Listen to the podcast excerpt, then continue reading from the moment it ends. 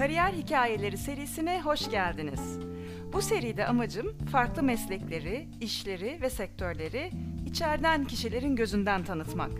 Bir diğer amacım da kariyer yolu denen şeyin farklı örneklerini sergileyerek insanın işiyle ilişkisine ışık tutmak.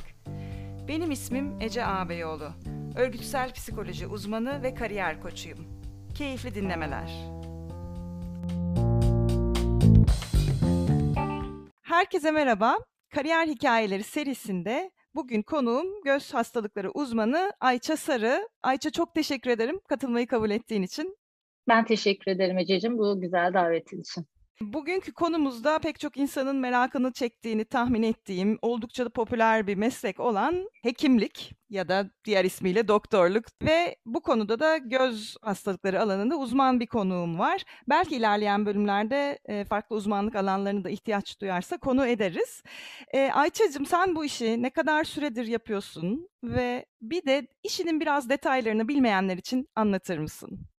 Elbette kere tıp eğitimi 1991 yılında başladım. Tıp eğitimi 6 yıl sürüyor biliyorsunuz. 97 yılında mezun oldum. Daha sonra da ihtisas sürecim başladı. 2003 yılında uzman olduğumu hesaplarsak yaklaşık 18 yıldır göz hastalıkları uzmanıyım. 23 yıllık hekimim ama 18 yıldır da göz hastalıkları uzmanıyım. Tıp eğitimi oldukça zor bir eğitim. Hani 6 yıl bile oldukça uzun. Ancak kendi içinde de çok çok zorlukları var çok fazla özveri istiyor. Hem sosyal hayatınızdan hem özgürlüğünüzden gerçekten özveri isteyen bir eğitim. Ee, örneğin işte lisede çok samimi olduğum arkadaşlarımla ben üniversite yıllarında da beraber olmayı planlarken işte onlar aralarda partilere giderlerken, küçük mini tatillere giderlerken biz hep ders çalışmak zorunda kaldık. Örneğin bir ODTÜ'de, Boğaz içinde bahar şenlikleri varken bir Hacettepe tıpın bahar şenliği yoktu. Hani en basitinden bunu söyleyebilirim. Evet. Vakit geçirebileceğimiz keyifli ortamlar olmadı. Hep hastane ortamındaydık çünkü.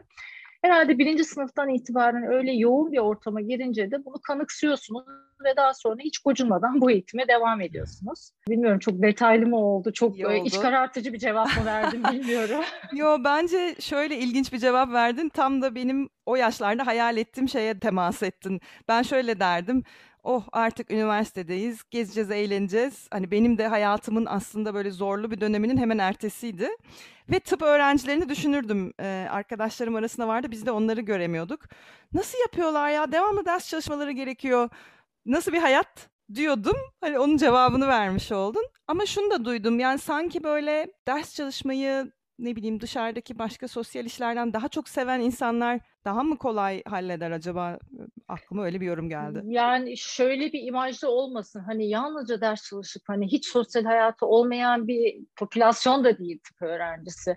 Ama gerçekten eğlenmeye biraz daha kısıtlı zaman ayırıp esas herhalde özelliği şu tıp öğrencisi düzenli ders çalışmayı öğreniyorsunuz. Hmm. Hani başka bir X branşında ne bileyim işte o vizelere 3 gün kala 4 gün kala çalışıp belki geçiyorsunuz ama tıpta hakikaten öyle olmuyordu. Ee, ve dediğim gibi hep böyle bir ortam ortamda işte üst sınıflardan falan da gördükçe bunu kanıksıyorsunuz. Yani hiç bir gün bile ya ben niye bugün de ders çalışıyorum demeden hani o artık böyle otomatize bir şekilde ders çalışır hale geliyorsunuz.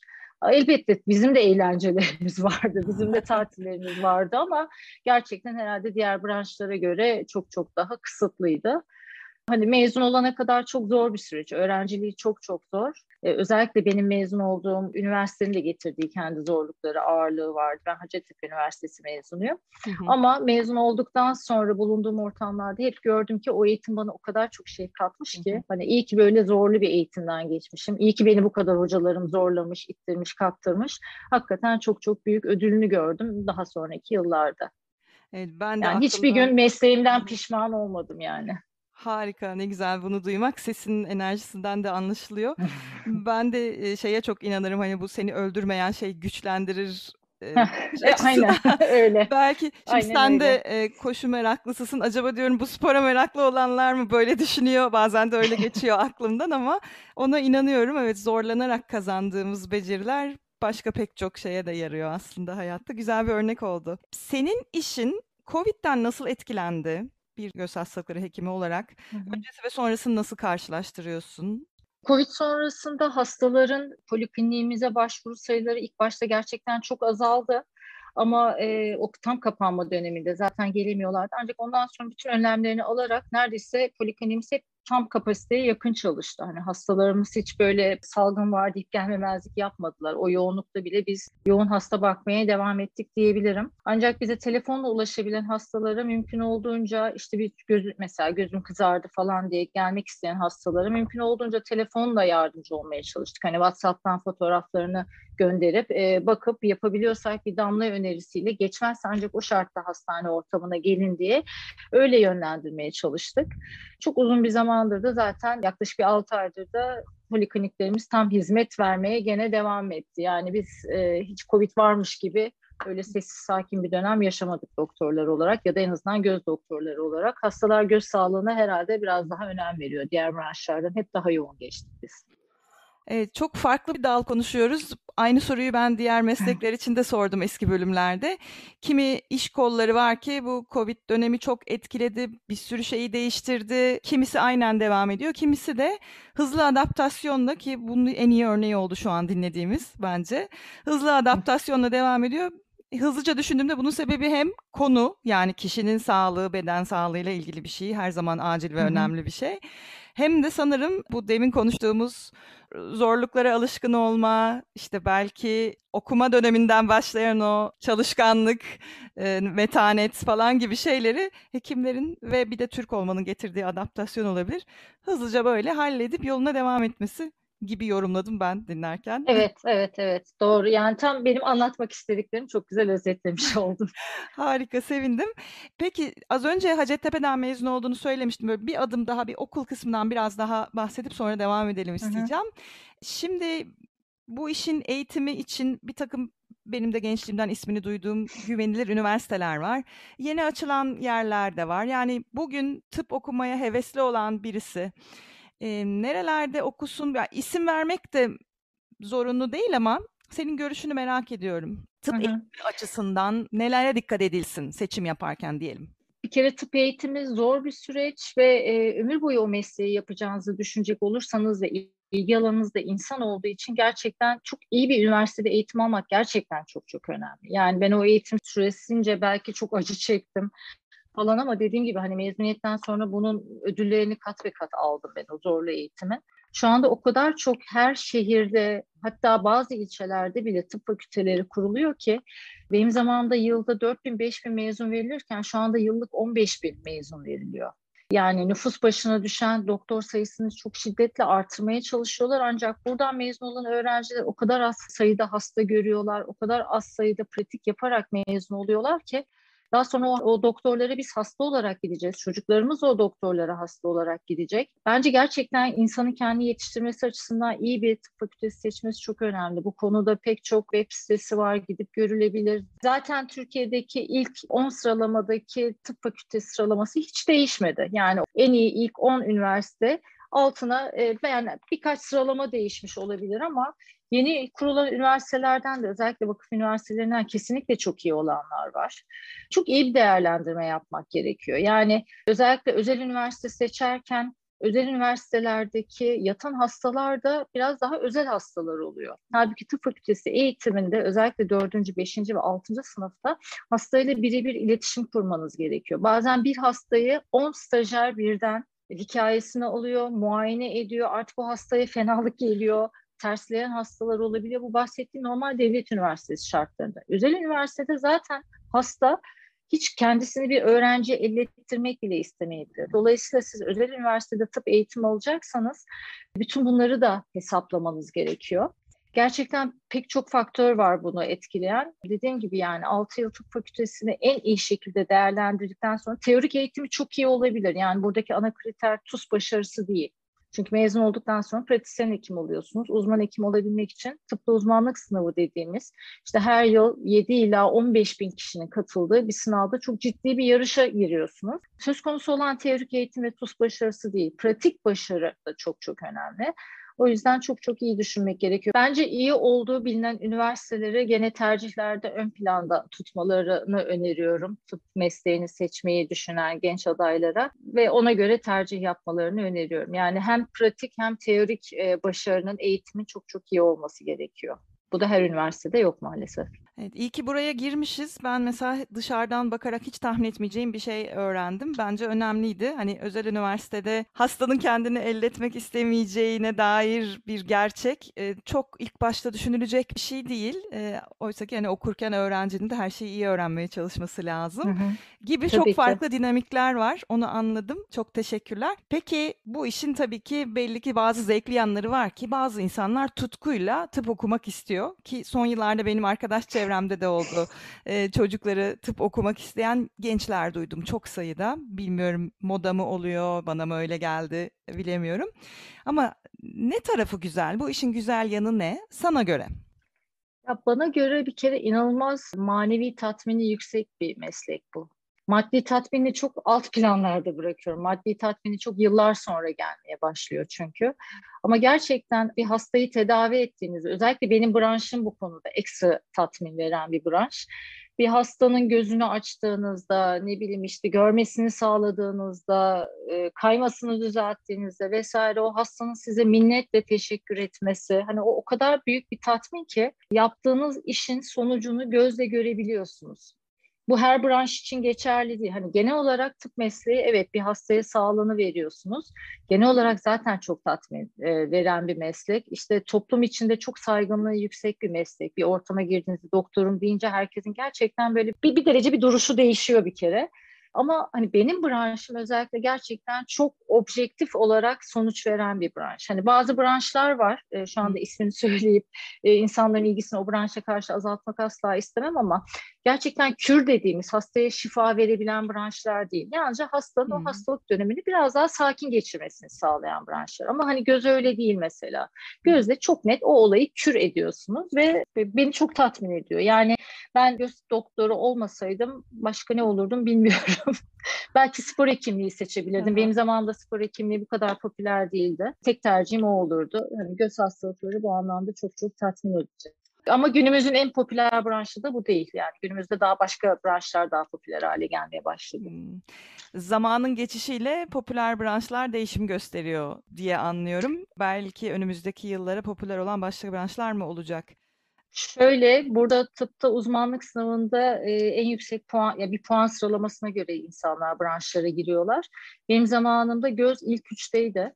Ancak yıllar içinde bu malpraktis kanunları çıkmasıyla beraber bir kere insanlar kendilerini daha güvende, doktorlar kendilerini daha güvende hissetmek istediler. Şu anda en düşük puanla alan branşlar kadın doğum, genel cerrahi, çocuk hastalıkları ve dahiliye gibi branşlar. Yani ileride bir çocuk doktoru bulabilecek miyiz? İyi bir kadın doğum doktoru bulabilecek miyiz? Gerçekten çok üzücü, çok korkutucu.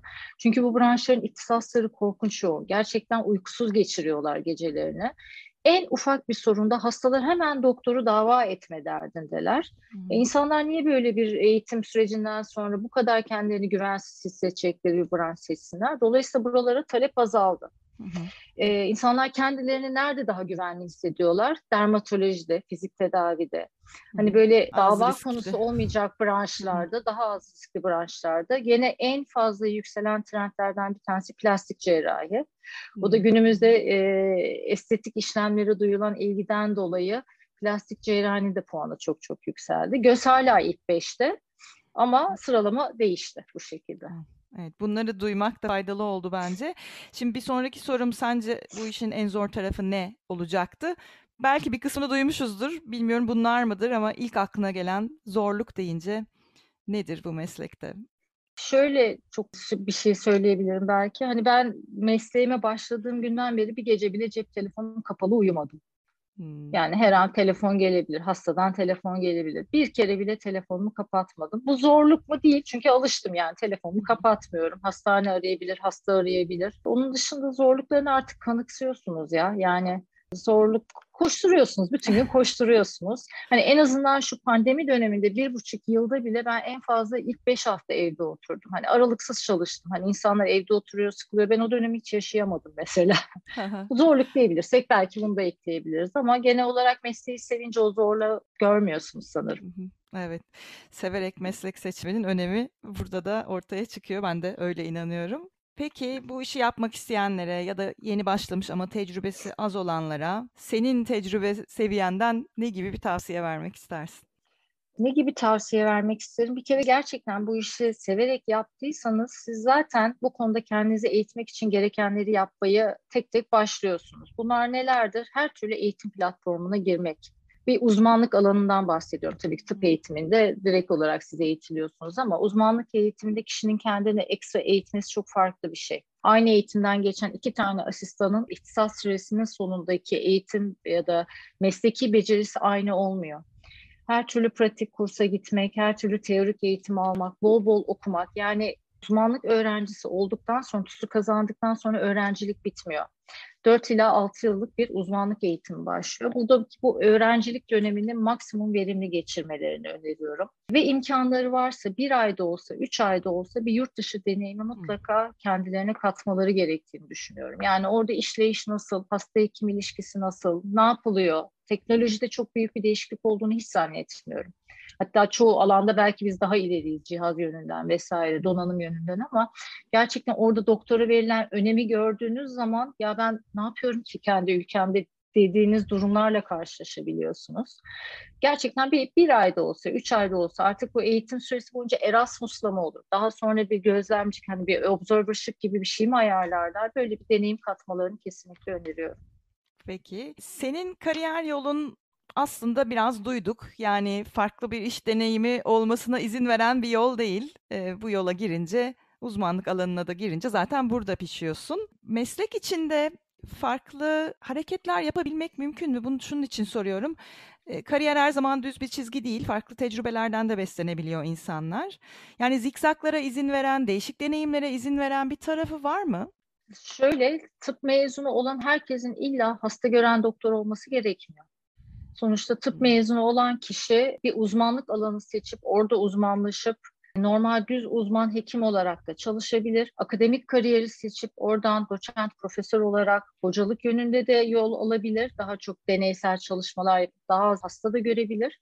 Veya bu kişi tıptan mezun olduktan sonra ben hiç hasta görmeyeceğim, hiç mesleğimi yapmak istemiyorum deyip bir ilaç firmasında bir yönetici konumuna kadar bile de yükselebilir. Bu tümüyle kişinin kendi tercihi. Tıp eğitimi boyunca eğer preklinik dediğimiz hastayla direkt iletişim kurulmayacak branşlara ilgi duyuyorsanız direkt öyle bir branşı seçip orada laboratuvar ortamında e, o branşlarda da uzmanlaşabilirsiniz. Veya daha tıp eğitimi sırasında illa ben ameliyat yapacağım diyorsanız cerrahi branşlara yönelebilirsiniz. Yani aslında kendi içine dallanıp budaklanabiliyor. Yani herkes tek bir yoldan gitmiyor. Bu tümüyle sizin ilgi alanınıza, varmak istediğiniz hedefe göre değişiyor. Hani ben ilk günden beri bir akademisyen olma hayaliyle başlamıştım. O yolda da şehir değişikliğinden başlayarak Ankaralıyken 30 yıldan sonra şehir değişikliği yaptım ve üniversitede başladım kariyerime ve oradan da işte 5-6 yıldır profesör olarak da çalışıyorum. İyi ki de bu yola gelmişim. Öğrencilerle uğraşmak da ayrı bir keyif çünkü. Bir tek hasta bakmak, ameliyat yapmak değil benim yaptım. Öğrencilere, asistanlara eğitim vermek de benim için çok ayrı bir keyif oldukça çeşit yaratmışsın diye düşünüyorum. Evet çünkü insanlarla birlikte olmak hani ders işlemek bambaşka bir şey. Sürekli karşına gençlerin gelmesi başka bir şey. Mesleğini uygulamak başka bir şey. Ne güzel ikisini paralel yürütebilen bir meslek dalı. Her meslekte de bu imkan olmayabilir. Evet. İyi ki değindik. Evet. iyi oldu. Geleceğini nasıl görüyorsun bu işin? Göz alanında belki konuşmak şu anda daha anlamlı olabilir. Hı hı. Şimdi gelecekte her şey biraz daha böyle genel tıp olarak konuşursak daha böyle robotik cerrahilere ya da telemedicine dediğimiz uzaktan yönetimlere doğru gitmekte. Ama göz hastalıkları için her, şimdi göz hastalıkları dediğimizde de bir tek gözlük muayenesi falan gelmesin. Gözün her bir tabakasıyla ilgilenen ayrı uzmanlık dalları var aslında. Kornea, retina, şaşılık vesaire gibi. Göz hastalıkları için böyle bir uzaktan işte robotik cerrahi vesaire biraz daha zor gibi. Şimdi göz hastalıklarının diğer pek çok branşa göre şöyle bir farkı var. Biz çok fazla cihaz bağımlı bir bölümümüz. Çok ciddi yatırımların yapılacağı cihazlarla ameliyatlar yapılıyor. Yalnızca bu cihazların teknolojisi daha da ilerleyecek. Şu anda cerrahide bazı aşamaları biz manuel olarak elimizle yapıyorsak bunlar daha dijitalize sistemlerle belki otomatik yapılacak ama illa belli bir aşamasında insan gücü, insan becerisi işin içinde olacak e, mutlaka olumlu etkileyecek ama göz hekimsiz direkt olarak bu pek olacağını zannetmiyorum. Yani bazı branşlar tümüyle uzaktan yürüyebilir ama gözde pek onun olacağını zannetmiyorum. Evet, yapay zeka ile ilgili ya da teknoloji ile ilgili gelişmelerin çok aşırı değiştirmeyeceği bir alan. Öyle gibi. umuyorum. Öyle umuyorum diye. Bunu tabii hiçbir zaman yüzde yüz bilemeyiz ama böyle bir tahmine de mutlaka bakıyoruz. Çünkü bir de böyle bir önemli konu var. Sen çocukluktan beri doktor olmak isteyen birisi miydin çocukluğuna gidersen? Ortaokul yıllarında başladı bu evet. O da nasıl oldu diye sorarsan yaz tatilinde Didim'deyken maalesef denizde boğulan birisi vardı ve e, o sırada herkes koşturdu. Oradan birisi gerçekten böyle filmlerdeki gibi ben doktorum dedi gitti ilk yardımını yaptı falan. Acayip etkilenmiştim. Orta ikiydi daha. Orta iki yazıydı. Çok etkilenmiştim. Ondan sonra öyle kafamda o öyle şekillendi. Yani hiç alternatif başka bir şey de düşünmedim herhalde. Yani tercihlerimin de hepsi tıptı. Hani Hı. o olmazsa şu olayım diye bir tercihim de olmadı. Hı hı, İyi ki de olmuş. Harika böyle kahramanlık içeren bir hikaye olmuş e, anılarda. Öyle Güzel, oldu. net bir anı olmuş. O zaman çocukken, küçük yaşlardan hayal ettiğin şeyi yetişkinlikte aynen gerçekleştirmiş şanslı insanlardan birisin diye düşünüyorum. Kesinlikle. Ee, Kesinlikle evet. evet. Benim için çok keyifliydi. Senin eklemek istediğin bir şey var mı? Aslında epey bir konudan geçtik ama tıp mesleğini gerçekten sevmeden yapmak mümkün değil. Şimdi günümüzde tıp mesleğinin bu kadar popüler olmasının bir nedeni aslında hani dedik ya çok fazla tercih ediliyor diye. Ee, bunu ben etrafındaki gençlerden, tanıdıklarımın çocuklarından falan duyduğum kadarıyla niye tıp istiyorsun dediğimde hani ben doktor olmak istiyorum demiyor bu insanlar. Çünkü Hmm. mesle iş garantisi var diyorlar. Ne demek iş garantisi diyorum? Yani bir mühendislikten, mimarlıktan mezun olunca o kişiler iş arıyor. Ama siz tıp fakültesinden mezun olduğunuz gün devlet sizi bir yere atama yapıyor. Hı hı. Dolayısıyla hani tıp mesleğini iş garantisi var diye tercih etmek bence birazcık yanlış. Zaten o kişiler tıp eğitiminde ikinci, üçüncü sınıfta fire veriyor ve dökülüyorlar, ayrılıyorlar. Gerçekten istemiyorsanız bu yapılacak bir iş değil. Çünkü mesleğinizle evli oluyorsunuz. Her meslek öyledir belki ama gerçekten tıp mesleğiyle evleniyorsunuz siz ve ömür boyu onunla gidiyorsunuz. İsteyen bir çocuğu asla aman olma o çocuğum işte tıp şöyle zor böyle zor diye ben asla vazgeçirme taraftarı değilim. Bence kesinlikle desteklenmeli böyle çocuklar ama olmak istemeyen birisine de bak çok iyi para kazanırsın, şudur budur diye ikna etmek bence çok yanlış. Bir doktorun gerçekten hani halkın gözünde, çoğu insanın gözünde doktor çok iyi para kazanıyor gibi bir konumu var belki ama o birazcık eskidenmiş. Bir doktorun iyi para kazanabilmesi için 40'lı yaşlarını görmesi gerekiyor. 40'lı yaşlara kadar da gece gündüz ders çalışması gerekiyor. Yani artılarını eksilerini iyi hesaplayıp meslek seçimi yapılması gerekiyor diye düşünüyorum.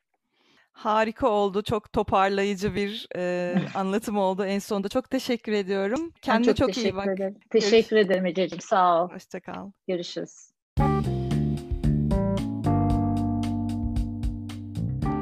Dinlediğiniz için teşekkürler. Benim adım Ece Ağabeyoğlu. Örgütsel psikoloji uzmanı ve kariyer koçuyum. Bu podcast yayınlarımı beğeniyorsanız ve çevrenizde faydalanabilecekler varsa paylaşmayı ve takibe almayı lütfen unutmayın. Bana ulaşmak için Instagram ve LinkedIn'de Ece Ağabeyoğlu hesabıma doğrudan mesaj atabilir, ece@kendiyolun.com adresine mail gönderebilirsiniz. Kendinize çok iyi bakın.